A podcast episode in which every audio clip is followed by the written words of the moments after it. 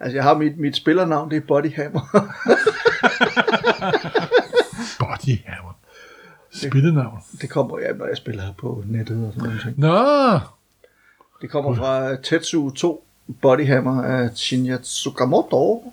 Gud, jeg kalder dig Marvel Morten over, over det hele. Jeg kan huske, at jeg engang sad og spillede poker for mange år siden med Marvel Morten. Der var en anden grund. Er du et Marvel Morten? Ja, ja. Ej, gud, du ej.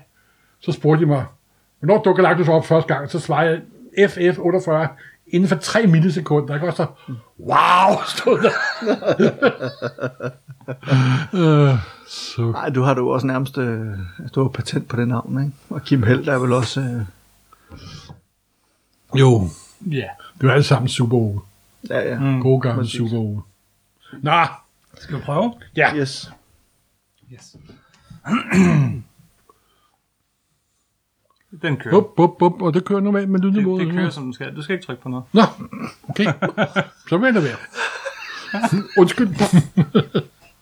Kæft. Det er det mest ydmygende afsnit ever, det her. Det er jo dejligt.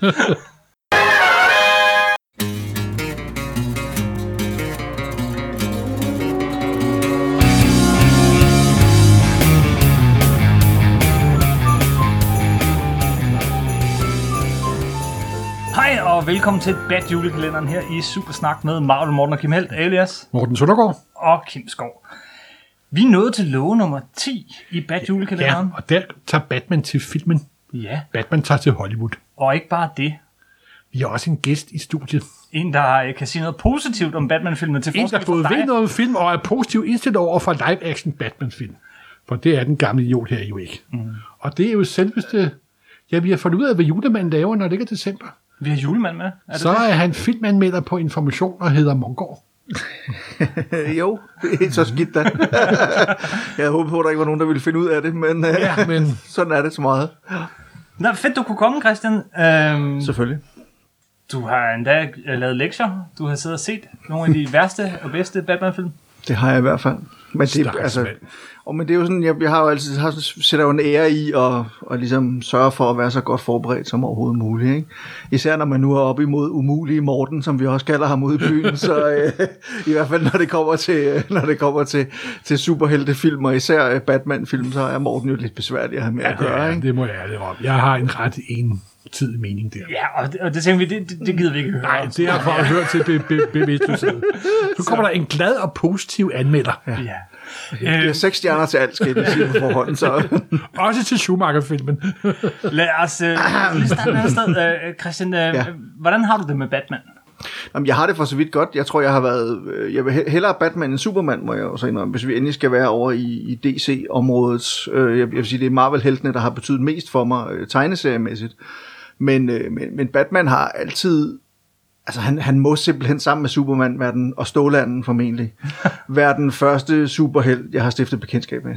Altså, og det må være i... i øh, altså, det må jo være... At jeg er født i 72, så jeg er jo langt fra så gammel som Morten, men, men øh, øh, det er jo, så, det, så, så, så, de, så de tidlige, nogle af de tidlige, den tidlige serie der fra, fra, fra 60'erne må være noget af det første, jeg ligesom er, har stiftet bekendtskab med, og også er, og, og begyndt at læse, da jeg begyndte at læse superhelte tegneserier og sådan noget, har det jo formentlig været Superman og Batman på dansk. Hvorfor er det, tror du, at, at, at Batman ligesom er blevet Batman i populærkulturen? Altså, hvad er det ved ham, der har været så, så blivende? Altså han er jo, for det, jeg tror faktisk en af, de, en af de vigtige ting ved ham, og jeg tror også det, altså min favorit superhelt er Spider-Man og Peter Parker. Fordi jeg begyndte at læse Sp- Spider-Man og Peter Parker, da jeg selv var teenager, og kunne ligesom identificere mig alle de problemer, han har. Jeg er godt nok aldrig blevet bidt af en, øh, en radioaktiv øh, æderkop eller noget, der ligner, men, men, men de problemer, han har med sin tante, og med skolegang, og med penge, og med piger, og alt muligt andet. Altså hvilken ung mand, skråstreg ung kvinde, har ikke kunne, på en eller anden måde kunne identificere sig med det. Og der tror jeg, hvis man ser på Super, Superman og Batman over for hinanden for eksempel, så tror jeg, at Batman er meget nemmere at identificere sig med, fordi han har også den origin-historie, han har med, at hans forældre blev slået ihjel, og det er hans dæmoner, hans mareridt, der på en eller anden måde manifesterer sig og gør ham til den, han er. Øh, og der tror jeg, at vi alle sammen, altså den der fornemmelse af, altså jeg, jeg er ligegyldig, hvad jeg så end gør, så bliver jeg aldrig et rumvæsen fra krypton, der bliver smidt ud ned på jorden, og, og fordi tyngdekraften og naturloven er nogle andre, så får jeg superstyrke, når jeg kommer herned. Men at have nogle dæmoner eller et eller andet, som kan være med til at skubbe mig et sted hen og blive til superhelt, filmanmelder, hvad ved jeg, altså, ja, fi- filmanmelder er jo en slags superhelte. Lad os, lad os du bare, lad os du bare øh, En indrømme interessant origin-historie er på vej, kan jeg høre. Præcis. Men Men jamen, jeg, jeg, jeg, jeg, jeg, i, i, i måske. jeg, jeg er blevet bidt af, ikke Jakob Stil, men, Jørgen Stil, men ved ikke eller andet, hvad ved jeg. Nej, altså, men jeg, jeg tænker bare, at, at øh, sådan, det der menneskelige aspekt, der er af Batman, at han trods alt kun, i hvert fald når han er bedst, synes jeg, er et menneske af kød og blod. Det kan godt være, at han har styrke og en masse takket være sine milliarder, øh, en masse fedt udstyr og alt muligt andet, og en veludviklet, et veludviklet moralsk kompas og sådan nogle ting. Men han er også bare et menneske på godt og ondt. Jeg synes, i nogle af de allerbedste af tegneserierne og også filmene, der slås han jo netop med, hvor langt kan han tillade sig at gå, hvornår, altså det her, hele det her, øh, man skal sige, den der dualitet, der ligger i figuren, den her kamp med yogeren, at de ligesom bliver to sider af, af, øh, af samme figur på en eller anden måde, eller at de, de repræsenterer to sider af, af, af sådan det, det med de menneskelige egenskaber, den, den gode og den onde, kan man sige, eller kaos og orden, for, som også er noget, det især Christopher Nolan han har beskæftiget sig med i, i sine Dark, Dark Knight-film, som jeg synes er ret interessant. Men hele det her menneskelige aspekt, der er i ham, at han også bare, han er fejlbarlig, altså han er ikke ufejlbarlig, ligesom i en Superman jo er for det meste af tiden. Jeg har altid syntes, at Superman var sådan lidt, og jeg ved godt, det er enormt uretfærdigt, og der er sikkert mange, der bliver sure over det, men, men altså, jeg synes, han var sådan lidt for meget en spejderdreng. Altså på det til, at han for helvede har interesseret mig. Jeg kan godt lide, når der er noget, man kan slå sig på i en figur, når der er nogle kanter, når der er noget mørke, når der er nogle dæmoner, når der er noget et eller andet, som man ikke nødvendigvis ved, hvad er. Altså, det, det er at Batman, måske ikke i Adam Wests øh, øh, udgave, men, men i så mange andre, for eksempel The Dark Knight, som var, øh, altså øh, Frank Millers The Dark Knight, som var noget formentlig, det gjorde meget, meget stort indtryk på mig, da den, den blev oversat, da, den læste da den blev oversat til dansk der i 80'erne, ja, hvornår har det været lige omkring 1990, tror jeg, eller sådan noget Ja. stil, ikke?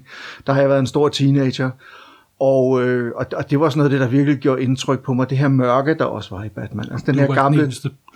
Hvad siger du? Du var ikke den eneste. Nej, men præcis, ikke? Men altså den her gamle, trætte mand, som, som, øh, som ligesom kunne se en ende på det hele, og som øh, altså havde brugt sit liv på at, at kæmpe for det gode, men måske, altså hvad er det Nietzsche siger, hvis man kigger tilpas lang tid ned i afgrunden, så ender afgrunden med at kigge tilbage i en, ikke? Altså der er sådan nogle ting i Batman, som jeg synes er enormt interesseret. Og det var en meget, meget lang måde øh, at svare på det spørgsmål om, hvorfor Batman er interessant. Altså jeg tror simpelthen, det er fordi, der er Altså, der er den menneskelighed i ham, som ikke er i Superman, for eksempel. Altså, Superman er jo den her Jesus-figur, hvor Batman, han er et menneske af kød og blod, derfor er han også meget nemmere at relatere til. Men bare lige for at afslutte det, men, men, men samtidig så er han vel også til forskel fra for eksempel Peter Parker. Øh, han er idealet. Han er sådan det øverste, vi kan opnå, ikke? Med den ultimative træning, det ultimative finanser, det ultimative hjerne og så videre. Han, Jo, men det, er, han- det har du fuldstændig ret i, men, men det, man skal stadigvæk bare gøre være opmærksom på, at han har stadig en rem af huden. Mhm. Altså spørgsmålet er, er han vanvittig, eller er han ikke vanvittig? Altså, man kan jo sige, det, det må også gøre noget ved ham. Altså al den der træning og hele den der måde at leve på. Og, og, og altså, der, der er jo også tegneserier, som kommer ind på det, hele det, det skizofrene aspekt af, altså, til, til hver, altså også, det gør der jo mange superhelte tegneserier, i hvert fald mere moderne altså, af slagsen, at, at man om, om natten er man den nattens ridder, ikke? og render rundt og kæmper for retfærdighed, og om dagen så er man øh, playboy-milliardær. Det er ikke fordi, jeg nogensinde selv har været playboy milliardær, men, men, men den der fornemmelse af at kunne, kunne tage en maske på, eller en identitet på, eller et eller andet, synes jeg også er enormt fascinerende. Og, og, og det er rigtigt nok, at han er idealet, men, men han er også et menneske på godt og ondt, og det, altså det synes jeg ligesom, man, man skal holde fast i, og det er noget af det, der, der gør ham allermest. Det er også derfor, når han bliver for, når han bliver for sej, når han kan for meget, altså når han pludselig kan nærmest stoppe Superman og slås med Superman på lige vilkår, okay, han snyder måske også lidt, ikke? Men, men så, så helt bliver det... sige det til hjælp. Ja, så, så, så, bliver det, så bliver det sådan lidt, altså så synes jeg måske, altså, så er det måske lige lovligt meget, ikke? Men, men, øh, men ja, altså det, det menneskelige aspekt af ham, ligegyldigt hvor rig han er, eller hvor veltrænet han er, så er det stadig, altså hovedet, det kommer an på, men så sige, det, det, det, det er hovedet, der gør ham til den, han er. Næsten alle de øh, fede aspekter ved Batman, som du lige har fremhævet, den kan man sige, de er totalt fraværende i de første to filmatiseringer. Øh, Det første er jo den Serial, fra, og det er jo filmen, vi skal snakke om i det her afsnit, det er den Serial fra, hvad var det, 46? Ret mig, hvis jeg tager fejl. Ja, var det ikke 43? Og det, er- det, var, det var også ja, med. øh, Fra 40'erne. Fra 40'erne. og, øh, og så selvfølgelig Adam West, 1966 øh, filmen. Øhm, skal vi lige starte med dem? Øh, du kender til den der serial. Jeg kender til den der serial, jeg har aldrig set noget af det, tror jeg, så vidt jeg ved. Altså, og hvis jeg har, så er det så lang tid siden, jeg ikke kan huske det. Det er kun Jakob Stikkelmann, der har set den. Yes. Det Og det vigtigste, er også, også kun ham, der kan lide den. og det vigtigste ved den er, at den inspirerede øh, film fra 66. Jeg går ud fra, at det er den første Batman-film, du har set. Ja, men det, det, det tror jeg også, og, og, og især, at øh, jeg, jeg, for faktisk ikke så længe siden, jeg genså den, fordi de har lagt, altså alle de der gamle Batman-ting er jo kommet på Netflix. Er det det? Virkelig meget af det er kommet på Netflix. Øh, jeg har faktisk lige ved at tro, at serien også er der. Nej, øh, det er kun selve filmen. Var det kun selve filmen? Men der genså jeg den, og, jeg, og den der scene, som altid har siddet i hovedet på mig, det er den der med Bat Anti-Highs Brain, hvor yes. Yes. de hænger, altså du ved, hvor, hvor Batman, han, de, hænger på den her rebstige under en helikopter, Batman og Robin, øh, Batman nederst, Robin ovenover, der er en gummihaj, der har sig fast i, i, øh, i Batmans ben, og så siger han til Robin, giv mig lige bats, øh, anti-high bat brain, eller sådan et eller andet. Yes. Og det er så tydeligt, det er en gummihaj, du ved, så får den et par sprøjter, og så ryger den af, ikke? Hvorfor er det den scene, alle folk kan, kan, kan huske? Det ved jeg ikke, fordi den er så grotesk og sjov på en gang. Altså, Ja, og det, den anden scene, det er jo den, hvor han render rundt øh, i, i gaderne med en bombe, og så øh, han, han skal komme af med den, og så løber han hen, så er der nogle nonner, så må han vende om, så er der et par, der står og kysser, så må han vende om, så er der, så er der en flok ender nede i havnen, så kan han heller ikke smide den derhen, og så kommer replikken, Some days you just can't get rid of a bomb, som er hele plottet i anden halvdel af den sidste Nolan-film. Det var den scene, som de viste i dansk filmorientering, kan jeg huske. Men altså, det, det, ja, men det, det, det er bare, det, altså, det, det, øh, det, det er så karikeret, og jeg tror, det er jo sådan noget, der taler til børn. Altså ligegyldigt, hvor, hvor fjollet det så end er, og især når man ser tilbage på det i dag, altså, så, så er det ren nostalgi, hvis man synes, det er sjovt at se, fordi der er sgu ikke ret meget andet i det.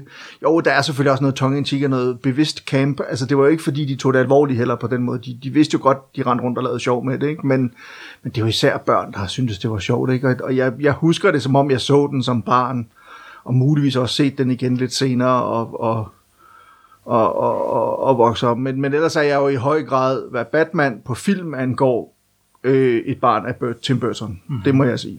Men Så lad os springe direkte til ham. Øh, vi ved godt, hvad du synes om den første Batman-film, Morten.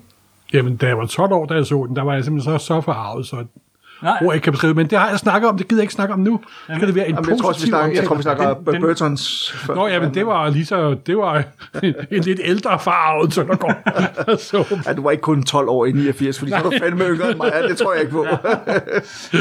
mentalt var jeg 12 år, sikkert. Jamen, altså nu, øh, det skal lige siges, at jeg er øh, øh, Tim Burton-fan om en hals. Og mm. på det tidspunkt, da jeg så den første Batman, har jeg formentlig set Beetlejuice, og er blevet fuldstændig... Jeg havde ikke set Pee Wee Hermans uh, Big Adventure, som var hans første spillefilm, men jeg havde set Beetlejuice, og var ligesom blevet fan af den her Jamen, det var også fremragende. meget, meget kulørte, humoristiske, øh, skæve stil. Altså tydeligvis var der også noget visuelt på spil hos Tim Burton, som jeg ikke havde set før. Mm-hmm. Altså den her måde, han, han altså det, det man, jeg senere fandt ud af, var Øh, øh, tysk, tysk ekspressionisme og sådan nogle ting i, i måden, han filmede på, fotograferede på, brugte skygger på og sådan nogle ting, og vendte kameraet på og sådan noget, som han jo især gør i Batman-filmen og i det hele taget senere i sin karriere også.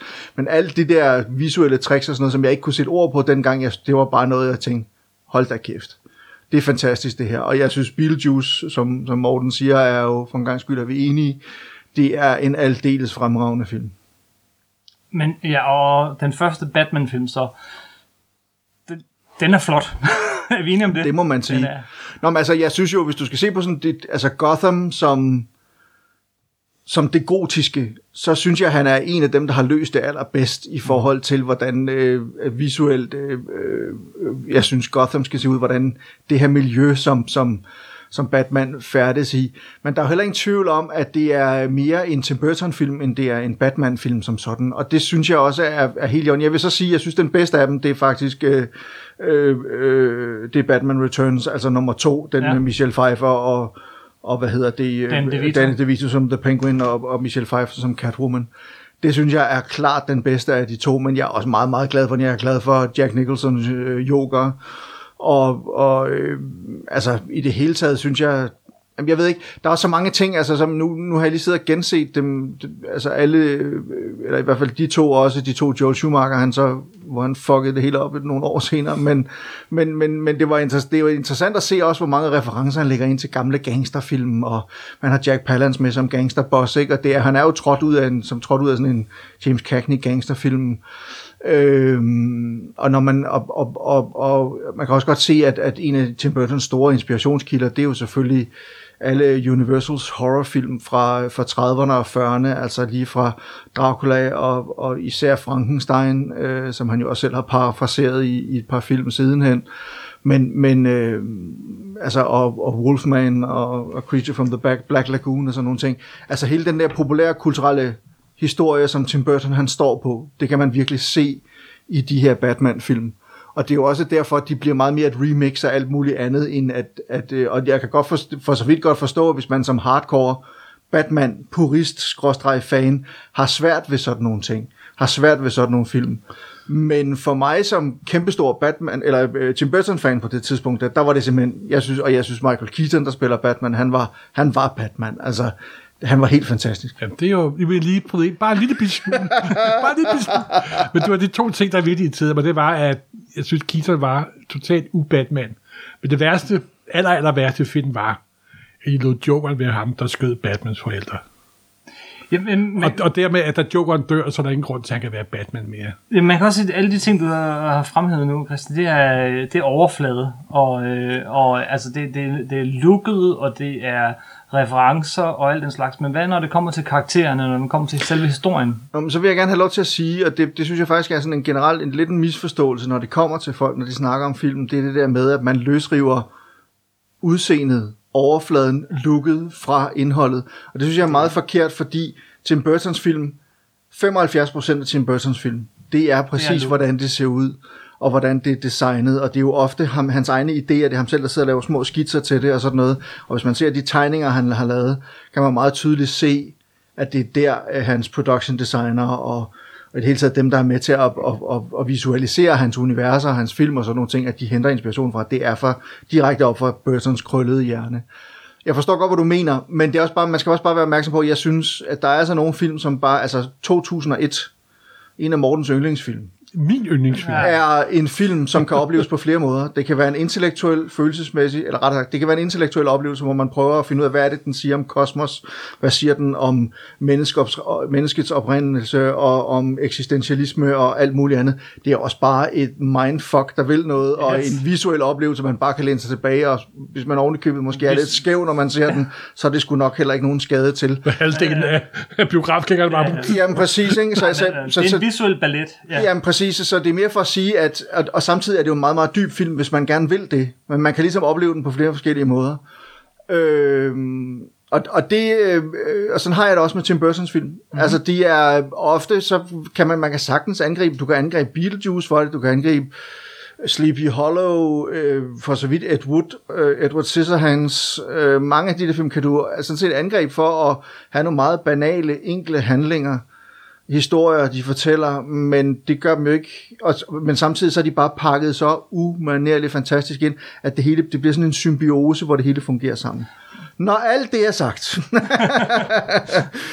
så synes jeg, jeg synes, jeg synes sgu, øh, altså og det der med, at, at, at øh, Batmans øh, motivation forsvinder i og med, at han, øh, øh, altså, eller at det er Jokeren, der ligesom skal fortsætte at skyde øh, Batmans forældre, som derfor hænger deres, jeg kan faktisk godt lide den der yin og yang ting, at de to så i virkeligheden hænger meget, meget tættere sammen, end man tror, og derudover, det har aldrig nogensinde ødelagt noget som helst for mig i forhold til det, fordi så langt har jeg ikke tænkt det. Jeg så det som en enkeltstående film, Øh, at han så fortsætter som Batman, det kan man jo retfærdiggøre med, at han stadig kæmper for det gode og imod det onde, så det ikke sker for andre mennesker, at de bliver frataget deres forældre på den der forfærdelige måde, som han har gjort. Jo, jo, men jeg var også, Så. det var også irritation.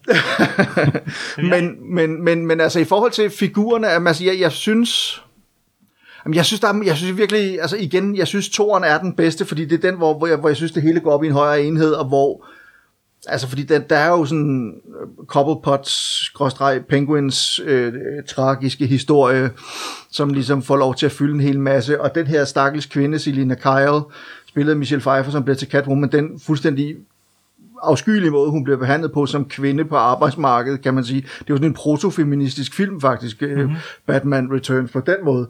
Altså, der, der, jeg synes bare, der er sådan flere små historier i den, og så er der selvfølgelig samtidig bare historien om, om Batman, og i øvrigt selvfølgelig hans forhold til, øh, altså til Selina Kyle, som har svært ved at give slip på, altså hvordan han kan spejle sig i hende, fordi hun har jo svært ved at give slip på det her, den her trang til hævn, eller den her, at, at øh, hun vil gerne gøre de mennesker skade, som har gjort hende skade, hvor Batman siger, jamen, der er nødt til at være en form for lov og orden. Altså det kan godt være, at jeg selv er en, en, en, en hævner, en maskeret hævner, men der er nødt til at være noget lov og orden, og det er alt det, øh, kommissær Gordon, han så ligesom skal forestille at stå for i, i de film. Ikke? Det toren til Øhm. bliver sådan udskilt lidt for, er- at Batman han nærmest er en birollefigur i den film, med de fantastisk fede skurke. Altså, jeg er ikke på Mortens hold. Jeg elsker de to Burton-film. Jeg elsker også alt, hvad Burton laver. Ja. Øh, Sådan, men det kan næsten... Ja, hvis ikke lige det var for Dan Elfmans musik, så, så kunne de næsten øh, spilles uden, uden dialog nogle gange, bare plaskes op på væggen, og så mm. køre ligesom en, en god gammel... Øh, I var meget unge, da I så.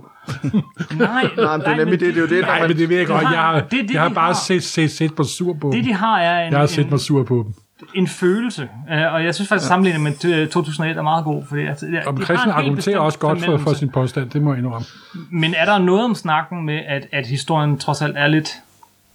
Jamen, altså i etteren kan man sige, at, at, at altså, at generelt er det vel problemet med mange af de der første, den første film mm. af en slags, altså origin-historien bliver jo tit, altså så får man ligesom fortalt den, og så ved man ikke helt, hvor fanden skal man så bevæge sig hen bagefter, måske så fylder man lidt på hister her og sådan noget, ikke? Og, og her er det jo både Jokerens og Batmans origin-historie, man får fortalt i, den- i den første af Tim Burtons Batman-film.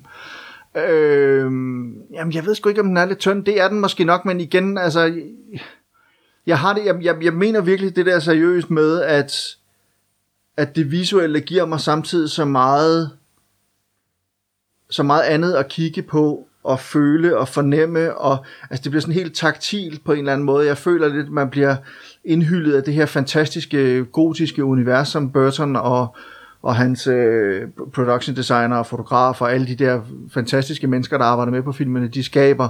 Og så ind i det, der ser vi så de her figurer bevæge sig rundt og, og følge med i den her historie. Altså, jeg synes, det er jo lige så meget the spectacle, som er, er sagen i Burtons film. Det synes jeg virkelig ofte, det er.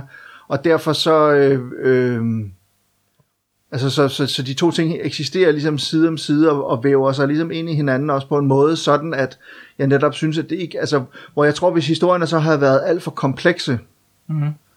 så er jeg ikke sikker på, at filmen ville have fungeret.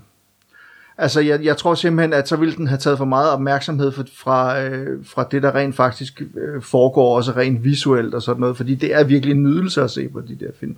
Og det er det stadigvæk, og det er det i HD, når man sidder og ser det på, på Blu-ray på en stor øh, øh, øh, fladskærm derhjemme og sådan noget. Ikke? Altså, det, det, det ser så fantastisk ud. Og så må jeg så sige, at en af mine yndlingsfilmkomponister, det er Danny Elfman, og jeg kan identificere, altså lige så snart jeg bare jeg hører to toner fra en Danny Elfman et eller andet, så kan jeg høre det er ham. Altså, jeg har mødt Danny Elfman. Det var en af de største after i mit liv, hvor han øh, spillede, den historie bliver jeg jo så nødt til at få nu, ikke? men, ja. men øh, nej, men der var en stor koncert øh, i Royal Albert Hall i, i London for et par år siden, hvor øh, Danny Elfman, han simpelthen kom og dirigerede og sang selv. Øh, mus- han spillede, simpelthen opførte musik øh, med stort, stort symfoniorkester for alle sine film.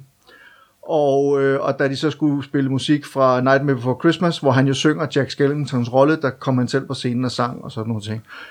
Og mm. Tim Burton og Helena Bonham Carter var der også, som jo er et par, og bagefter var jeg skulle hjælpe mig, takket være nogle søde mennesker, jeg kender med til efterfesten også, hvor jeg fik hils på Daniel Elfman, og stod lige ved siden af Tim Burton, og var så tæt på at kramme ham, og så tænkte jeg, jeg må hellere lade være, fordi han, det han slet ikke kunne håndtere det stakkels menneske. Så, øh, men, men nej, men så, så, så jeg har, altså det er sådan virkelig, jeg vil ikke sige, at min kritiske sans bliver sat ud af drift, fordi der er virkelig mange Burton-film, også især i de senere år, som jeg ikke kan lide. Altså Alice in Wonderland, synes jeg er en redselsfuld film, for eksempel. Men, men altså, der er bare noget, og jeg ved godt, det jeg lyder måske som om, jeg kører lidt i, i ring, eller kører lidt i samme rille, når jeg snakker om det der, men, men, men altså med, at, at udseendet af hans film betyder så meget for, om de hænger sammen eller ej.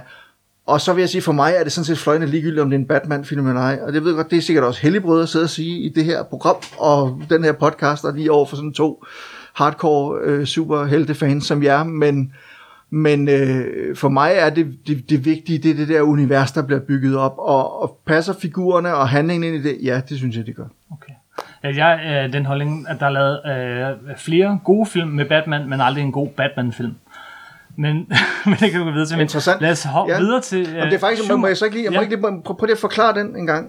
Jeg synes aldrig, de har ramt figuren rigtigt. Altså enten mm. så gør de ham til Iron Man, hvor de, de fylder på med rustning og alt muligt, og han ikke kan bevæge sig. Batman, han er en, han er en detektiv.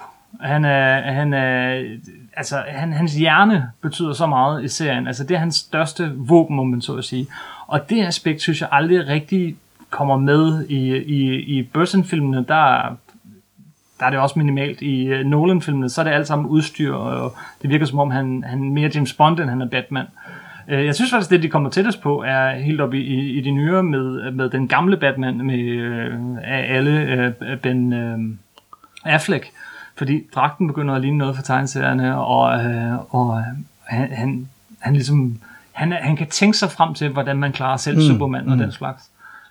At der så er alt muligt andet galt med det film, kan vi måske vende tilbage til. Men, Ja, men, men det er meget interessant at høre, fordi jamen, jeg, jeg jeg, jeg, karakteren. Nej, jamen jeg forstår så godt, hvad du mener, og- og der, og der er mit udgangspunkt jo så også, at jeg har aldrig haft det der fuldstændig altså varmblodet forhold til Batman.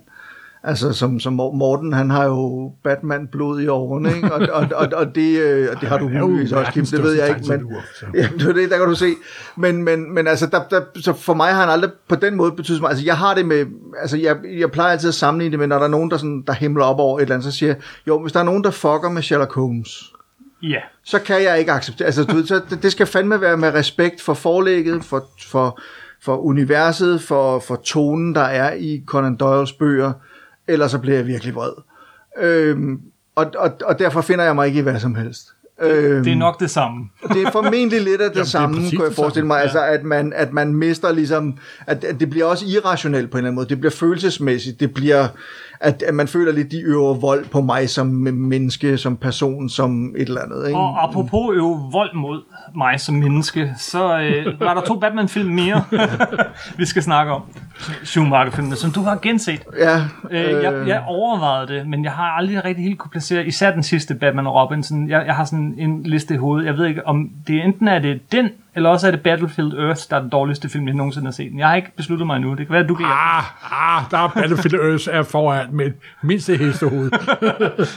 Det skifter. Jamen, jeg ved ikke, altså nu har jeg, jeg har lige genset dem, og det er sjovt, jeg kan stadigvæk ikke, altså hvad er det, nummer tre hedder Batman, Forever. Batman Forever, Med, og, så, med Val Kilmer, og ikke? det med Val Kilmer, Den ja. havde et herligt soundtrack. Det vil jeg. Og, og, og øh, ja, det ene, det var... Øh, Det var Val Kilmer mod uh, Two-Face uh, spillet uh, helt Jones. vanvittigt. Altså, Tommy Lee øh, Jones, Tommy Lee ja. Jones, og så Jim Carrey som uh, giggeren.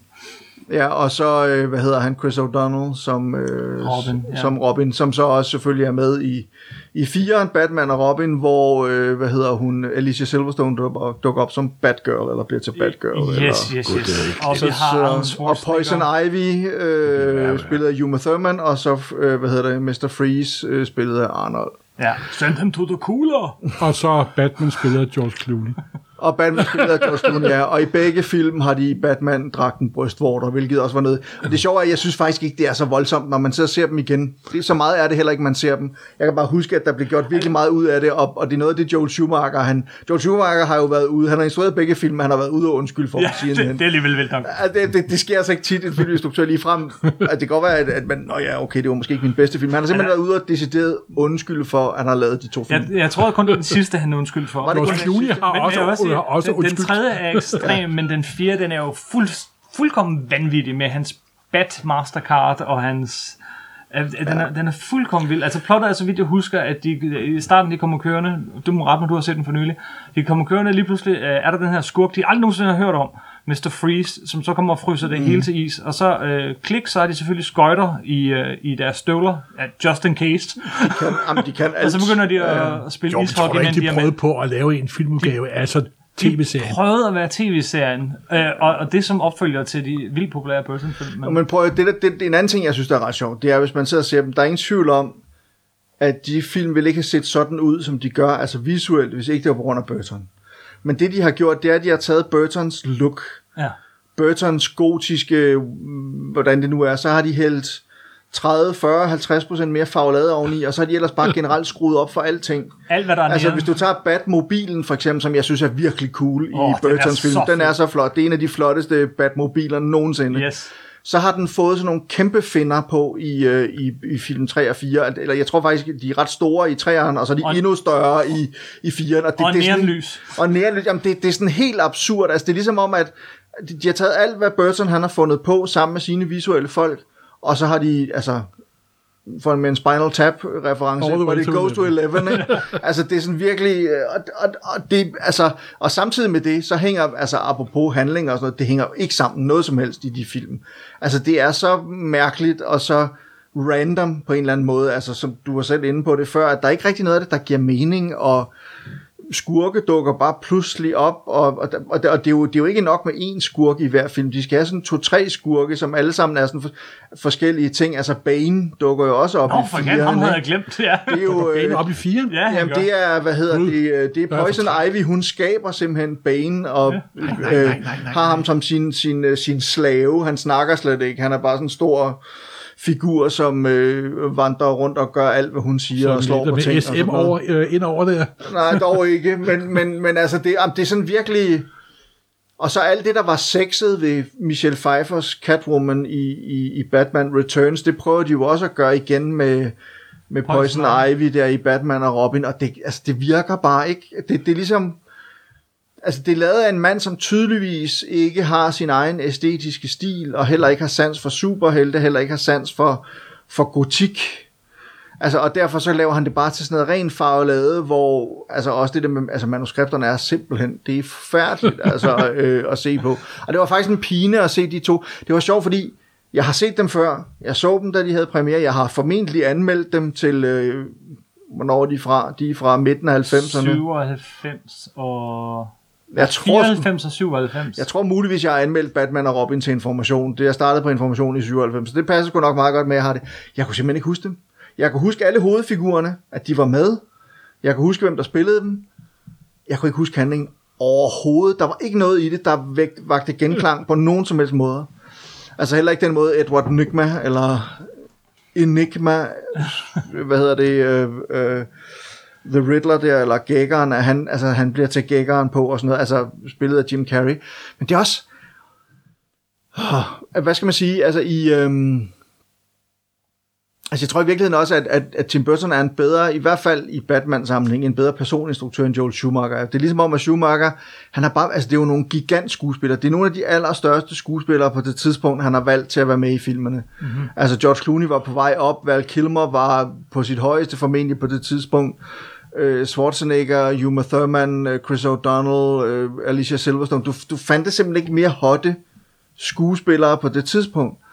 Øh, men han har ikke haft styr på dem, altså fordi de overspiller helt vildt selv Arnold, som Selv skal, skal, skal overspille. Han overspiller, helt, altså det, det er for meget, er simpelthen, simpelthen bare træt af ham, altså det, det er... Øh, at det er to redselsfulde film, og det, det, det er mærkeligt. Altså, det er virkelig mærkeligt, hvor galt det kunne gå, ikke? Men, men det er jo også et tegn på, hvor store succeser de to først. Altså, der er jo, altså, det, den store historie omkring den første Batman fra 89 af Tim Burton, der, det er jo det der med, hvor, hvor kæmpestor den blev, altså hvor mange penge den tjente ind, og, og hvad hedder det, øh, Princess øh, soundtrack til den, hvor mange penge, altså hvor mange eksemplarer det solgte, og det der med Jack Nicholson, der fik Han en forholds. Han fik jamen, han fik en forholdsvis lav, et lavt honorar, men så, så fik han så noget backend, altså nogle procenter af indtjeningen. Og det var en af de, jeg tror nok, at det, det er sådan noget med, at det var en af de første i Hollywood til at gøre sådan noget. Og det var jo, altså det har, producenterne har jo gået og sparket sig selv bagefter, fordi han tjente så mange penge på det. Jeg har set tror, et det sted, at de siger, at han tjente 50 millioner dollars. Han tjener sikkert stadig på den. Det tror jeg, jamen, altså, jeg tror, det var mere faktisk, Morten. Altså, jeg tror virkelig, det var mange penge. Han ser også glad ud. og, og, og siden er det jo blevet meget normalt, at de der skuespillere, der er blevet så store, altså sådan en som Downey, der er der ingen, Robert Downey, der er ingen tvivl om, at han også får back-end af, af Iron Man-filmene, fordi de Iron Man-film vil jo heller ikke være hvad de er uden ham. Mm-hmm. Altså, så, så det, men, men så det var også med til ligesom at forandre nogle ting i Hollywood, og, og det var jo også første gang, at sådan, altså superheltefilm for alvor bragede igennem øh, og blev store succeser og sådan noget. Og så tror jeg simpelthen, da, man, da Joel Schumacher han kommer ombord, Tim Burton er så vidt jeg husker stadig medproducent eller executive producer på de her film. Men så giver man ham fri tøjler, så siger man, jamen ved du hvad, og han er jo på det tidspunkt, hvad fanden har han lavet? Robocop har han jo lavet. Ja, han er, Der var fandme. hvad? Nå nej, sorry, Det det er Paul Verhoeven. Beklager. Nej, han har, Glem. lavet, øh, han, har, han har lavet Lost Boys, ikke? Øhm, han, han, han, det sjove er, jeg har mødt Joel Schumacher en enkelt gang. Han er en skidesød mand. Han er simpelthen så flink. Øh, men han startede jo, jeg tror nok, han var øh, frisør. og så øh, fik han sådan arbejdet sig ind i at begynde at skrive manuskripter. Han skrev Car Wash, hvor instruerede han også den, øh, det kan jeg sgu ikke helt huske Det ikke. tilbage i 70'erne og begyndte sådan at skrive og instruere flere film og sådan noget, og så blev han bare større og større og større, ikke? og har faktisk lavet en hel del virkelig gode film. Men, men de film, der er bedst, det er karakterdrevne dramaer, når han laver sådan noget som øh, Tigerland, eller Phone Booth, eller Veronica er god Guerin, film, eller... Øh, altså der er et par stykker andre, hvad den hedder. Øh, han lavede også en med Robert De Niro og øh, Philip Seymour Hoffman, hvor Seymour Hoffman er transvestit, og De Niro kommer i taleterapi, et eller andet hos ham, eller sådan noget stil. Men altså, som er virkelig gode film, sådan karakterborgerne, ikke? Og så, men, men så når han så laver de der store udstyrstykker der, så går det bare galt for ham hver gang. Altså, det er meget mærkeligt. Men, men altså, ja, det, det er et par redselsfulde film, og, øh, og jeg vil sige, at der er selvfølgelig sådan en vis kitschet underholdningsværdi i at se dem, men det er samtidig bare ikke sjovt nok til. at- Altså, det, Det- det gør det- også lidt ondt at se på alle de spildte, skønne spildte kræfter. Der er film, der er så dårlige, så de bliver sjove, men den her, den når bare ikke det punkt. De, de, de er bare dårlige. I hvert fald efter min mening. Ja. Øhm, altså, den første Batman, den satte gang i superheltebølgen, og jeg tror sådan set, at vi kunne have haft den her superheltebølge nu, hvis ikke det var fordi, at de blev slået ihjel af de to Schumacher-film. Ja. Der, det, det var jo helt umuligt at lave superhelte et godt stykke tid efter Schumacher. Det var først Det må op sige. til X-Men i, I, 89, I 99. ja, eller 2000, tror jeg endda. Men Ja. Jeg tror, det er, det er også lige noget. Ja, men deroppe omkring, jamen det er fuldstændig rigtigt, altså det, der gik nogle år, ikke, og, og ja, og det, der er ingen tvivl om, at det, altså, det har været sådan en, en skrækhistorie. Man har ligesom kigget på de her film, ikke? og jeg, jeg ved sgu ikke engang, om de tjente sig ind, eller hvad de gjorde, altså der, den første af dem Altså, jeg har sikkert... hørt et rygte om, at øh, den sidste nummer 4 skulle have et større budget end selv Waterworld og en større fiasko. Men de, Okay. men de, fik, de fik det skjult. Jamen, det, kan, det er jo ikke umuligt, altså... Øh, men, men det er i hvert fald rigtigt, der var jo ikke samme interesse for superheltefilm på det her tidspunkt. Øhm, og der, og der, der tror jeg, altså Tim Burton, han... Jeg tror bare, at Tim Burtons film var så tilpas meget noget andet også, til at man godt ville se dem. Altså, det var ikke kun superhelt, det var også noget andet, om jeg så må sige. Hvor, Altså, hvor står ja. så Nolan-filmene for dig i forhold til de her Burton-film? Hvis vi bare tager dem en af gangen. Den, den første, synes jeg, måske er den bedste. Batman Begins. Batman Begins. Men hvor, hvor, hvor, hvor står de i forhold til som film? Jeg synes, det er meget svært at sammenligne dem, fordi der er ingen tvivl om, at øh, øh, Christopher Nolan tager det meget mere alvorligt, end øh, øh, Tim Burton sådan set gør. Altså, øh, øh, og, og jeg synes, Christopher Nolan er mere interesseret i, hvad figuren kan bruges til, hvor jeg tror, Burton han var interesseret i, hvad det visuelt kunne bruges til, det her univers. Det her gotiske, altså simpelthen tage det bogstaveligt Gotham City. Mm-hmm. Hvordan bygger vi et univers op omkring det? Og der tror jeg så til, måske du har lidt ret, når du, altså tidligere vi snakkede lidt om det, men, men at, at, at figuren måske betyder mindre, i hvert fald Batman-figuren betyder mindre i Burtons film. Jeg tror, han var mere interesseret i Jokeren, i Pingvinen og i Catwoman, end han var i Batman som sådan. Altså på den måde tror jeg, fordi dem han er interesseret altså Burton, alle Burt, Tim Burtons film handler om outsider. Om mennesker, der har skubbet figur, altså mennesker, eksistenser, øh, skæbner, individer, der er blevet skubbet uden for det etablerede samfund og helt ud i krogene, hvor de så må kæmpe for at overleve. Og hvis det er Batman jo for så vidt også, men især de, mm, altså især Penguin og, og, øh, og, og Catwoman og Jokeren er jo i høj grad øh, på den måde helt ude på, på kanten af samfundet, kan man sige. Og jeg tror, det var det, der interesserede ham mere end noget andet. Hvor Christopher Nolan var interesseret i det, han virkelig kunne bruge Batman-figuren til.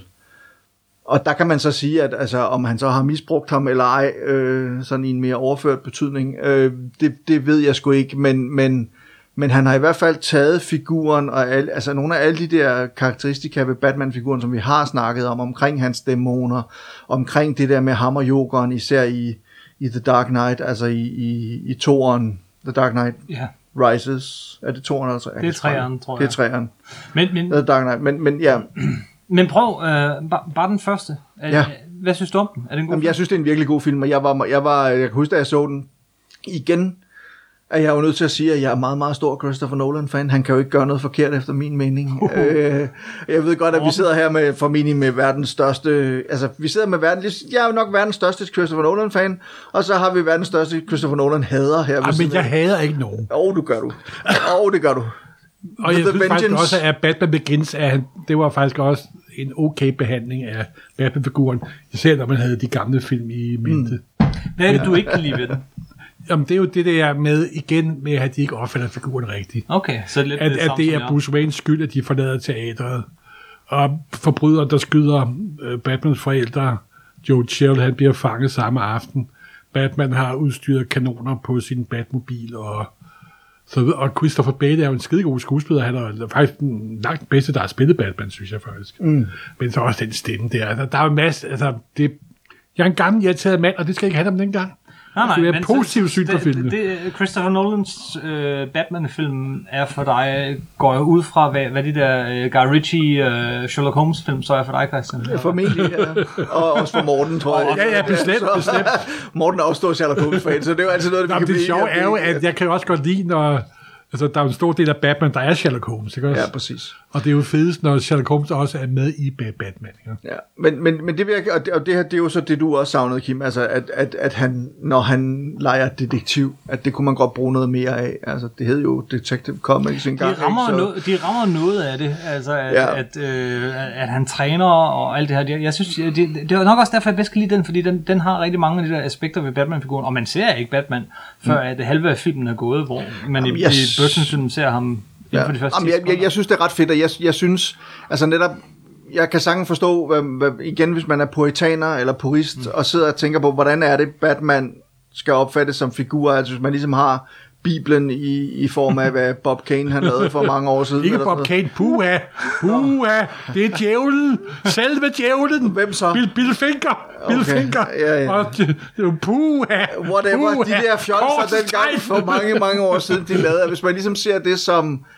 de hellige skrifter, mm. lidt ligesom jeg ser øh, de 60 oprindelige historier om, øh, om Sherlock Holmes som de hellige skrifter, og man så begynder at fravige for det, at man netop fjerner det, man selv synes er essensielt, så kan jeg sagtens se det er et problem. Jeg synes bare, det fede er, at det, det Christopher Nolan han gør, og han gør det i stort set alle sine film, det er, at han er interesseret i at diskutere, hvad det vil sige at være menneske, hvad det vil sige at foretage nogle moralske, eksistentielle, etiske øh, valg i forhold til en eller anden situation, man står i. Altså jeg synes, Batman Begins synes jeg er en vældig god film. Jeg er enormt begejstret for toren uh, The Dark Knight, også fordi den, altså den, den, den, den kommer til at handle om den verden, vi lever i i dag. Den kommer til at handle om terror og kaos. Den handler om, hvordan Jokeren, som den her anarkistiske størrelse, som er fuldstændig, det er fuldstændig umuligt at forudsige hans opførsel, hvad han vil gøre som det næste, hvorfor han gør det. Øhm, altså, der, der er en enorm fed ting, synes jeg, i, i, i, i, The Dark Knight, at det er det der med, hver gang at han spørger nogen, vil du ikke godt, vil du, skal jeg fortælle dig lidt om min baggrund? Yes. Og sådan noget. Og han når at fortælle tre forskellige historier ja. om, hvordan han er blevet, som han er blevet lige fra, at han er blevet snittet af sin far til alt muligt andet. Ikke? Og, og det synes jeg er ret fedt, det der med, at han er det vanvid, man ikke kan kontrollere. Han er den ondskab, eller den anarki, som vi alle sammen på et eller andet tidspunkt står overfor i vores verden, og hvordan reagerer vi så på det vanvid? Bliver vi ligesom ham, eller bevarer vi vores menneskelighed, og bevarer vi øh, øh, altså det, det kernen af det, vi ligesom selv er, og det vi tror på. Og det, det er jo den konflikt, som Batman står overfor, og også, hvem skal han redde, hvem skal han ikke redde? Og, ja. Og, og, og man kan sige, jo, det Jokeren er ude på, det er, han er ude på at få hele Gotham City til at vise, at de er lige så tossede og lige så onde, som han selv er.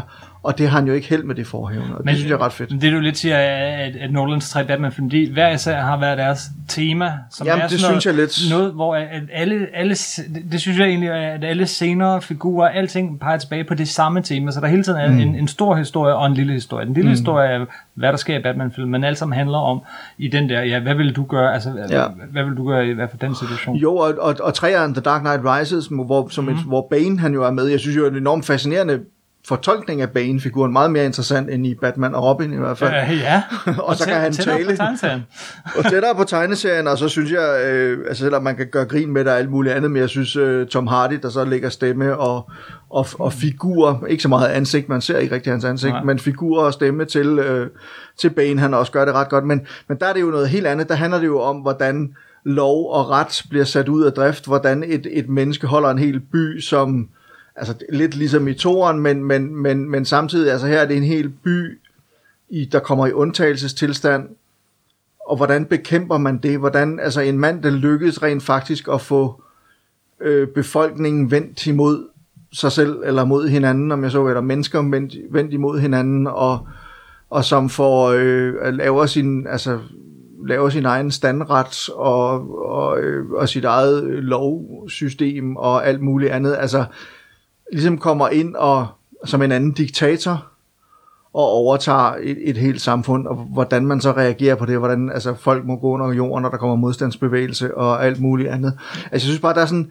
virkelig mange fascinerende temaer, især i, i toeren og treeren, altså som, hvor man kan sige, etteren er igen en origin-historie, og det er en historie om Batman, der skal finde sig selv. Han skal finde ud af, hvad han er, vil være for et menneske. Altså, fordi han jo i, i, i hvert fald i nogle år efter, at hans forældre ligesom er blevet slået ihjel der i, øh, i, i, øh, i den første film, altså så rager han jo rundt og kan ikke rigtig finde ud af, hvad han vil med sit liv, og så er det, han drager til Østen og finder Ras Al Ghul og bliver trænet og alt muligt andet, og så og der er jo så, den, det er jo så historien om, hvordan fanden er det, det er jo det her med, at, at øh, øh, det er noget med overbefolkning, og det er, at vi Yes. behandler øh, jorden dårligt, og er ved at smadre planeten, og Nu skal den ryddes ud. Nu skal der ryddes ud jeg og tror, ryddes op. Thanos havde set uh, Batman Begins. Jamen præcis, og, og, og, men igen en film, der taler direkte til nogle af alle de problemstillinger, vi står med overfor i, i, i et moderne samfund i dag, som handler om overbefolkning, som handler om klima, som handler om, at om 10, 20, 30 år, så er jorden oversvømmet, og der er ikke mad nok til os alle sammen, eller hvad fanden ved jeg ikke, altså ikke for at male fanden på væggen, men det er jo sådan noget, vi skriver i min avis for eksempel, at hvis ikke det er, klokken har slået, og det hele er for sent, ah, ikke helt, men altså, det er tæt på, ikke? Nu skal der gøres noget, folkens, men, men øh, Lige her midt i julehalløjet. ja, præcis. Nej, men det, jeg synes bare, der, der er sådan nogle, på den måde er der nogle enormt fascinerende historier, og jeg, jeg giver dig ret, der er de små historier, som handler om, hvad, hvad Batman gør, og hvordan Batman agerer, også i forhold til, de, i forhold til den kvinde, øh, han elsker, øh, øh, som vi så spøjs nok spilles af to forskellige kvinder, ja. øh, i, øh, i, i, i, i de her film, men, men øh, men så er der så den store historie, som hver gang tager sådan et meget, meget stort moralsk, etisk tema op og diskuterer det fra mange forskellige vinkler, og hvor Batman ligesom bliver vores repræsentant, skråstreg, moralske kompas. Altså, hvornår går han på kompromis med sin egen moral og etik, hvornår går han på kompromis med sin egen menneskelighed. Jeg synes, det er vildt fascinerende, de der film, og, og, og, og jeg vil sige, Nolan, udover, jeg synes visuelt, at de er fandme flot lavet, altså, og de er, jeg synes ikke, de er lige så,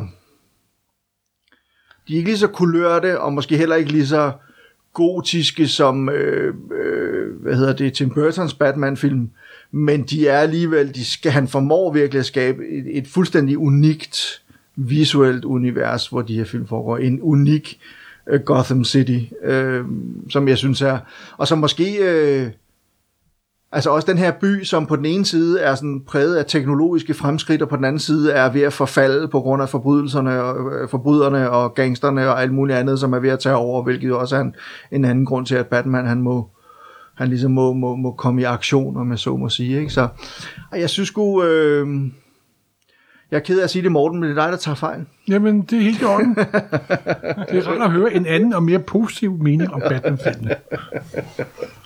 Ja. Er der mere at sige om de her tre? Nogen, Nej, jeg synes, at Christian dækker det, det rimelig pænt. Ja. Og så lad os gå hen til den sidste, Den ende sidste af, bølge. Sidste bølge. Øh, Tsunamien, eller hvad skal kalde inden, inden den næste bølge af Batman-film, som vi må se, hvad bliver på et eller andet tidspunkt. Og jeg tror, vi springer ja. alle de her... Øh, øh, hvad hed den der forfærdelige Joker, øh, Suicide Squad og alt det der, det springer vi over. Men, men hvis vi bare holder os... Han har jo ikke været en rigtig Batman-film siden. Men som opfølger til Zack Snyders øh, Man of Steel, så fik vi en film, der skulle have heddet Superman vs. Batman, men kom til at hedde Batman vs. Superman. Og så Justice League. Mm. Øh, nogle tanker om den? Jamen altså, jeg, jeg siger, jeg er jo ikke lige så vred på dem som så mange andre. Jeg er heller ikke lige så vred på Zack Snyder som så mange- andre. Der er ingen tvivl om, at manden, han... Øh, altså, i fin følelse og subtilitet minder, Ja. minder en hel del om Michael Bay som, som, som filminstruktør. Altså, men, men omvendt, så synes jeg... Altså, jeg er jo også en af dem, som til at starte med var jeg ikke så begejstret for den, men som er blevet mere og mere glad for øh, hans Watchmen efterhånden, som jeg ser den. Mm-hmm. Jeg kan ikke fordrage hans øh, Day After Dead, tror jeg det er. Jeg har et meget, jeg synes George Romero's zombiefilm skal man det- lade det være i fred og sådan noget, men der har det, med dem har jeg det ligesom med Sherlock Holmes. Men, men jeg synes, øh, jamen, jeg synes, han, han er jo igen visuelt, er han pissedygtig, Zack Snyder. han Det- formår at lave nogle fantastisk flotte billeder. det gør han, og, og på den måde er han allerede meget bedre end Michael Bay, kan man sige. Men, men, men, øh, men der er også, han, at det er også lidt ligesom det der med, at hvis der er brug for en skruetrækker, så kommer han med en meget, meget stor hammer. Ikke? Ja. Altså, det, det, det er sådan, altså det, og det, det, det, er sådan lidt, det bliver lidt overkill nogle gange, at, han, at det, det, det er ligesom om, at han, altså less er i hvert fald ikke more hos ham, det er more is too little, eller hvad det nu hedder, ikke? Altså det, det, Så kan man også sige, at Steiner har haft det, nu vil jeg for forsvare med bare en lille bit smule. Han har haft det en byrde med, at du skal bygge et Marvel-univers i løbet af to film, ikke? eller en film, ikke? Jo, hvor Marvel brugte tid på at bygge op for Iron Man og så videre, så videre. Nu skal ja. Warner Bros. have det samme med det samme. det er rigtigt. Og Hollywood er jo en verden, hvor de tror, at ni mænd kan lave et barn på et måned. Ikke? Altså, det er jo med Jo, mentalitet. Men, men, men jeg, jeg har det også bare sådan lidt, altså det virker som om, at det DC i høj grad har gjort forkert. Jeg ved, I har snakket om det tidligere, Morten, men du og jeg har også snakket om det, hvad forskellen er på at lave Marvel-film og lave øh, DC-film. Det kan vi måske prøve at tage bagefter, men, men det er også lidt som om, at de har, de har siddet lidt passivt og kigget på, hvor godt det gik for Marvel og ikke rigtig vidste, hvordan fanden de skulle gribe det her. an. De har jo manglet en Kevin Feige og en Avi Arad Simpelthen. og nogle af de der superproducenter som, øh, og, og, og indholdsmester, som kender hele lortet. Og så har de haft alle S'erne øh, på forhånd, ikke? Altså, de har ikke været tvunget til at starte med deres Iron Man eller deres øh, Thor.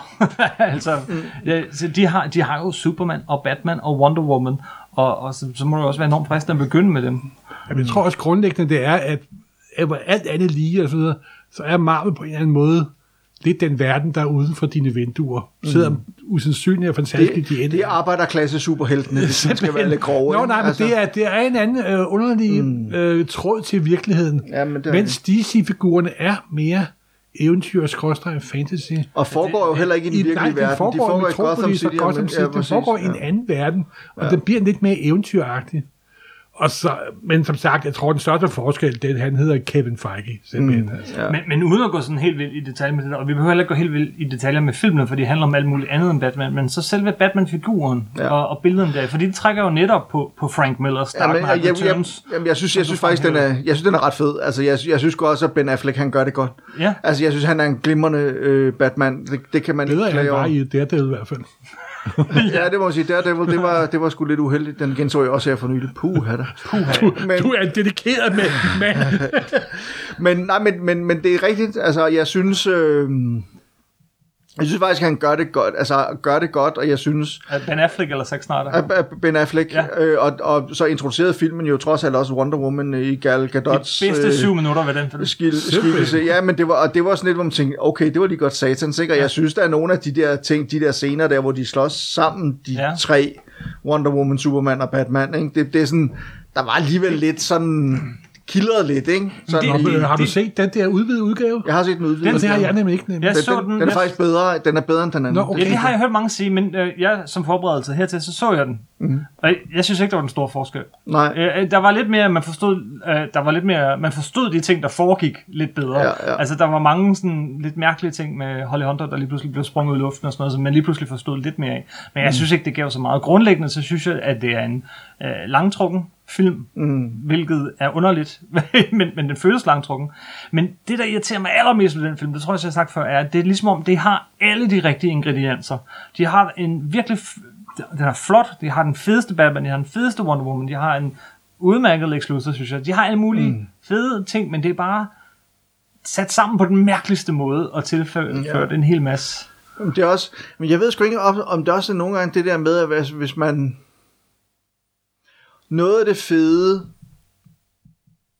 Jamen for så vidt, både noget af det fede, noget af det, der gjorde, synes jeg, at Tim Burtons Batman-film lykkedes, at Christopher Nolans Batman-film lykkedes, det var, de to figurer, og en altså forskellige figurer fra universet og universet i hele taget og sådan noget, men så fortalte de deres egen historie. Mm.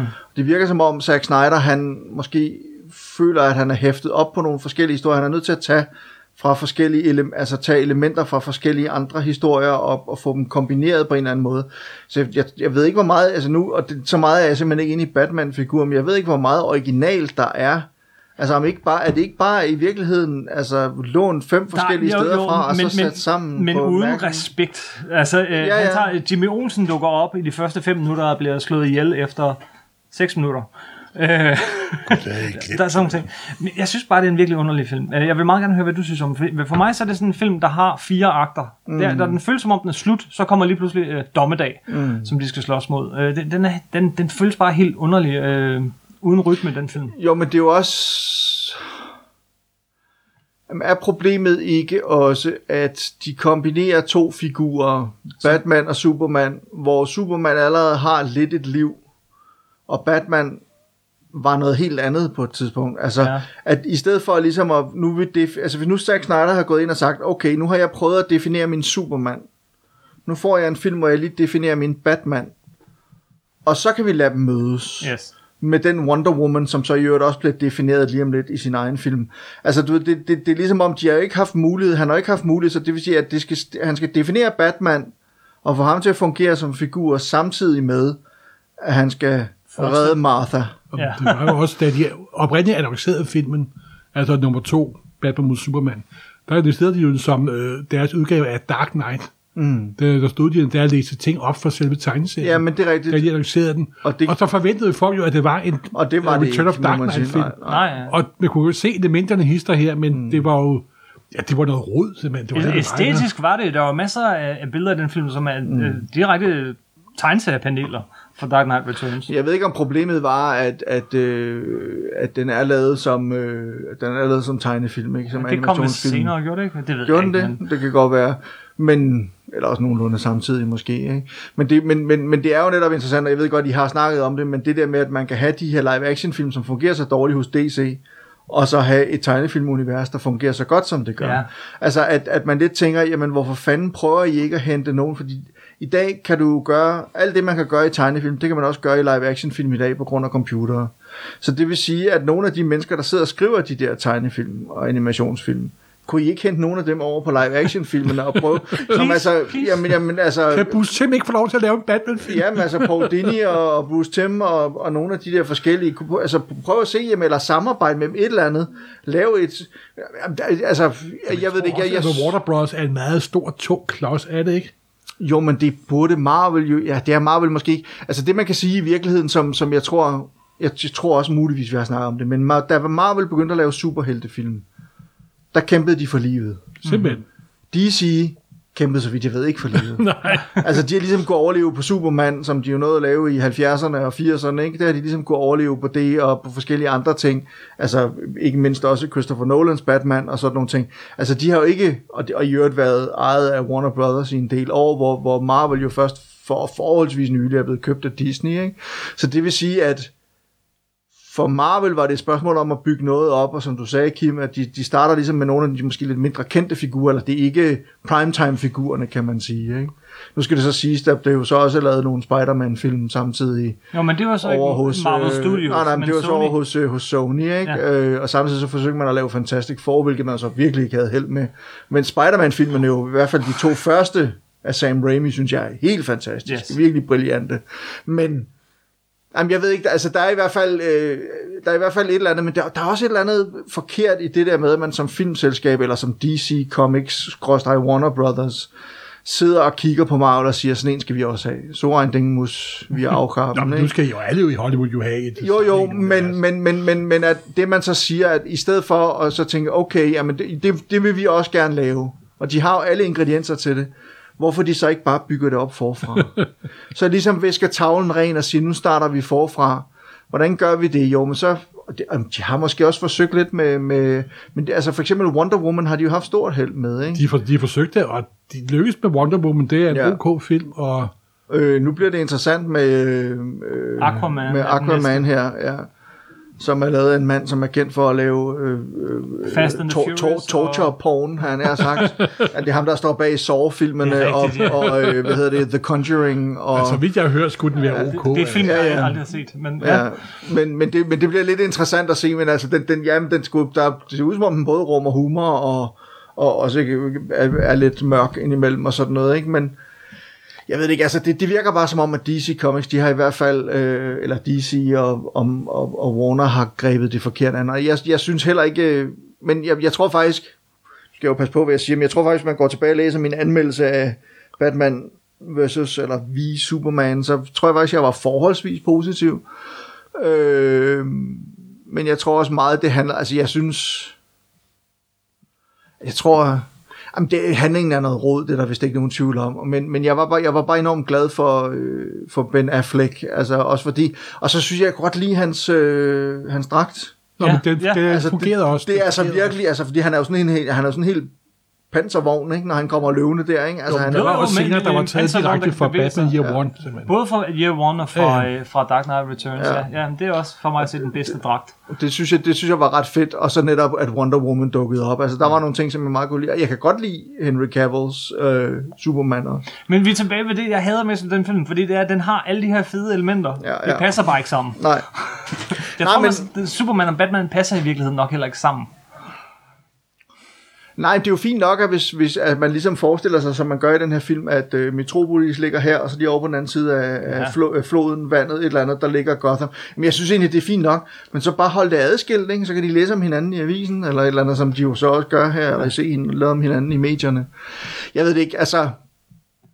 Jeg tror, det der mangler, jeg, jeg tror, det der er problemet, det er, at man har sat Zack Snyder til at lave den samlede vision for DC superhelte-universet, mm, altså med Warner Brothers som, som den store øh, bagmand der, at man har at man har ikke, og, og det sjove ved det er, jeg tror, altså Zack Snyder, er ikke- jeg har mødt ham en gang i forbindelse med, hvad fanden var det? Var det Watchmen? Hvad lavede han efter Watchmen? Han lavede den der med de der, de der Pain and piger, Grain, som... Gain, der, Øh, lavede det der bodybuilder-film der. Nå ja, nej, han lavede den der med de der ninja-piger. ja, ja. Jamen, jeg tror, det var i forbindelse, jeg tror faktisk, hvad hed den? Sugar Dolls, hvad hed den? ja, jeg kan heller ikke huske det nu. Det er den.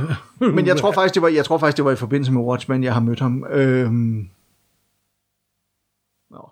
Det er også lige meget. Men, men altså, han er ikke ubegavet, og han er også glad for tegneserier. Jeg tror sindssygt også, han kender sin tegneserie. Men han har bare ikke det, som Kevin Feige har. Og det er måske i virkeligheden også det, det Kevin Feige han har. Altså, når man lytter til... Hvem fanden var det, vi snakkede, begge, vi snakkede om det morgen. Vi har hørt en podcast, hvor der var en eller anden forfatter.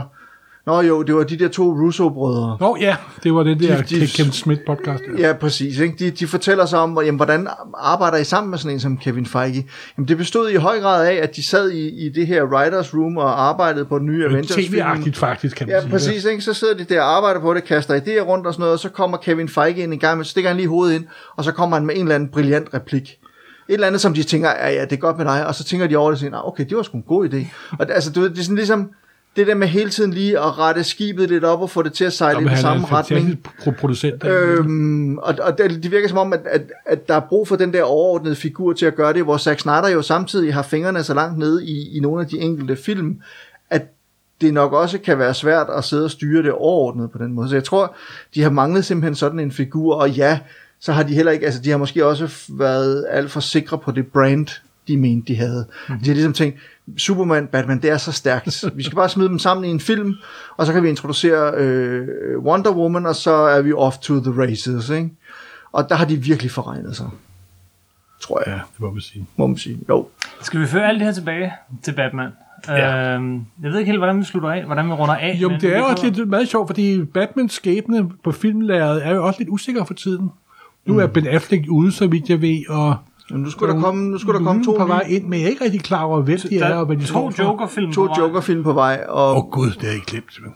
og, og hvor, hvor det bliver interessant at se, hvem der så skal spille Batman. Og i øvrigt, nu så jeg lige, Alec Baldwin var hoppet af den ene Ja, ja. Joker-film igen, selvom han skulle have været med der og sådan noget. Øh, skulle han spille Joker? Ja, Nej, nej, det, det, han, han skulle spille en, en, en han, anden han skulle have spillet uh, Thomas Wayne. Batmans Det er far. rigtigt, det skulle han, ja. Okay. Men så, Men- og- det ville han sikkert have været fint til. Men, Jeg vil have da en men- fantastisk skuespiller. Men nu er han så hoppet af igen. Det, det havde han åbenbart ikke lyst til alligevel. øh, og, så, og den ene film er så med Jared Leto som Jokeren, ikke? Og, Yes. og den anden, hvad fanden var det? Det var den anden lyd Joaquin. Phoenix. Er der to Joker-film på vej? Ja. Ja. Og den, Men øh, de begyndte, øh, de begyndte at sådan splitte universet lidt ad, så de fortsætter... Øh, DC introducerer jo tre Jokere om et par måneder. De fortsætter sådan set... Øh, når det her er sendt, så er det sket. De, de, øh, de fortsætter sådan set det her DC-univers, øh, mm. fordi at Suicide Squad var faktisk en succes. Så de laver en Suicide Squad 2, og de laver en Joker og film og en Joker og Harlequin film, hvis alt går vel. Øh, men så starter de ja. også en ny bølge af sådan andre film, som er, sådan ikke direkte forbundet til, mm. som er nok sådan lidt mere Christopher Nolan-agtige film, mm. hvor at vi har figurerne i deres eget lille lommeunivers, mm. hvor vi blandt andet har en Joker-film med Joaquin Phoenix og øh, det tror jeg, det der er en origin-historie. Ja, Den med Joaquin Phoenix. Det tror jeg nok er den, der skal fortælle om, hvordan han blev til The Joker. og efter sigende også den næste film om Batman, som hvis bare ja. hedder The Batman, og, Ja, ja. og handler om, hvordan han blev Batman. Ja. Men Altså, nu ved jeg godt, at Morten er jo virkelig træt af at få fortalt den der origin-historie. Hvem fanden var det, der også Nej, hvis det bliver gjort ordentligt en gang, så er jeg ikke Nej, det er faktisk det er, det er Kevin Smith og Mark Bernardin, der de har snakket om, hvordan de er så fucking trætte af at få Jamen, er den de der origin-historie fortalt Yes, hele tiden. yes. Og hvordan den også bliver... Altså, hver instruktør prøver ligesom at lave sin egen version af det. Tim Burton har lavet en, øh, Nolan har lavet en, Zack Snyder har lavet en, ikke? Altså, det, det er virkelig... Øh, Det var også det, der var så fedt ved den nye Spider-Man-film, det var, at de brugte 10 sekunder på Origin. jeg havde vi sagt, en også fået den fortalt et par gange. ja, ja. Ja. Men, men, øh, nej, men jeg, jeg synes, det er interessant, altså, men, men prøv at høre, noget af det, jeg synes er det fede ved det, og det er jo også noget af det, jeg er nødt til at sige mig selv, til mig selv omkring Sherlock Holmes. Og jeg siger det omkring Star Wars, jeg siger det omkring stort set alt, hvad jeg elsker og holder af, at ligegyldigt hvad folk de går ud, altså selvom Guy Ritchie, han har lavet to forfærdelige Sherlock Holmes film, og i øvrigt er ved at lave en, kommer snart med en tredje åbenbart. Den er i hvert fald blevet annonceret. Så ødelægger det ikke Sherlock Holmes for mig. Det ødelægger ikke de 56 originale noveller og fire romaner. Batman bliver ikke ødelagt af hverken Tim Burton, Christopher Nolan, Joel Schumacher. Altså, det kan godt være, at der er noget franchise og noget økonomi og noget film, der bliver ødelagt af det. Altså, man ligesom tænker, uha, nu tør vi ikke De mere. kan fordi overleve hvad de har det. Det- Men som figur vil de altid kunne overleve. Ødelægger det det for kommende generationer? Øh, jamen, det kan der selvfølgelig godt være en fare for, hvis, hvis det eneste, de kender, altså lad os sige dem, der var, ej, nu min søn han var for ung til det, men lad os nu sige, at man var teenager i slutningen af 90'erne, og det første, Batman man overlevede siger... en tv-serie, der kan han overleve hvad som helst. Det er sandt. Ja, men det er så spørgsmålet, fordi Batman overlevede tv-serien på et tidspunkt, hvor at det eneste andet, man kunne få, det var ens tegneserie. Det var det var ikke flere tegneserier. I dag er der så meget andet, man kan få. Jeg tror, hvis man havde været teenager i, øh, i, øh, i slut 90'erne og så Joel Schumachers øh, Batman-film som de første, så ville man nok have tænkt, det var sgu en lidt trist affære, det der. Og så var det ikke sikkert, at man var blevet tændt på Batman på samme måde. Altså, det, det, men generelt så får man den slags Omvendt, min søn, han er vokset op med, i Star Wars-mæssigt, er det jo The Prequels, han er vokset op med, som jeg i øvrigt så heller ikke er lige så negativ overfor som på mange andre. Og jeg elsker Jar Jar Binks, men, Det går jeg også. Jeg kan ikke lide det, men det, det fint. men, men, men, men han er jo stadigvæk, han, han synes jo, når man så spørger ham om, når han i dag, nu er han så 24, skal jeg lige sige, men altså han har jo set alle Star Wars-filmene, så er det jo de gamle stadigvæk. Dem, som vi er vokset op med. Fordi det er de bedste. Som han synes er de fedeste. Jo, jo, men altså, det, det vidner bare om, at, at jeg tror, man skal passe meget. Man skal, man, det, det er også fordi, at man snakker så meget om det der med toxic fandom for tiden. Altså, at de her fans, der virkelig Ja. går overboard, og som ikke kan acceptere, at, Ja, ja. at Bat, uh, Batwoman, er det det, hun Batgirl? Ja, Batwoman. Batwoman skal spilles, altså nu er det hende der Ruby Rose, som er erklæret øh, biseksuel, skråstreg lesbisk, øh, men hun er ikke lesbisk nok yes. til at spille rollen, og hun er, Og hun er heller ikke, rødhåret. og hun er vist heller ikke, var der også noget med, hun ikke er jødisk nok, eller altså, ja. der er sådan nogle altså, virkelig mærkelige ting, hvor man sådan tænker, hvad fanden er det, der foregår? Det- altså nu må I altså holde op, ikke? Eller hende der Kelly Marie Tran, som spiller med i øh, den seneste Star Wars film, Yes. som måtte forlade de sociale medier, fordi folk begynder at svine hende til, Det er- fordi hun er af asiatisk herkomst. Altså helt ærligt, nu må folk fandme også slappe af, og der har jeg det ikke Morten.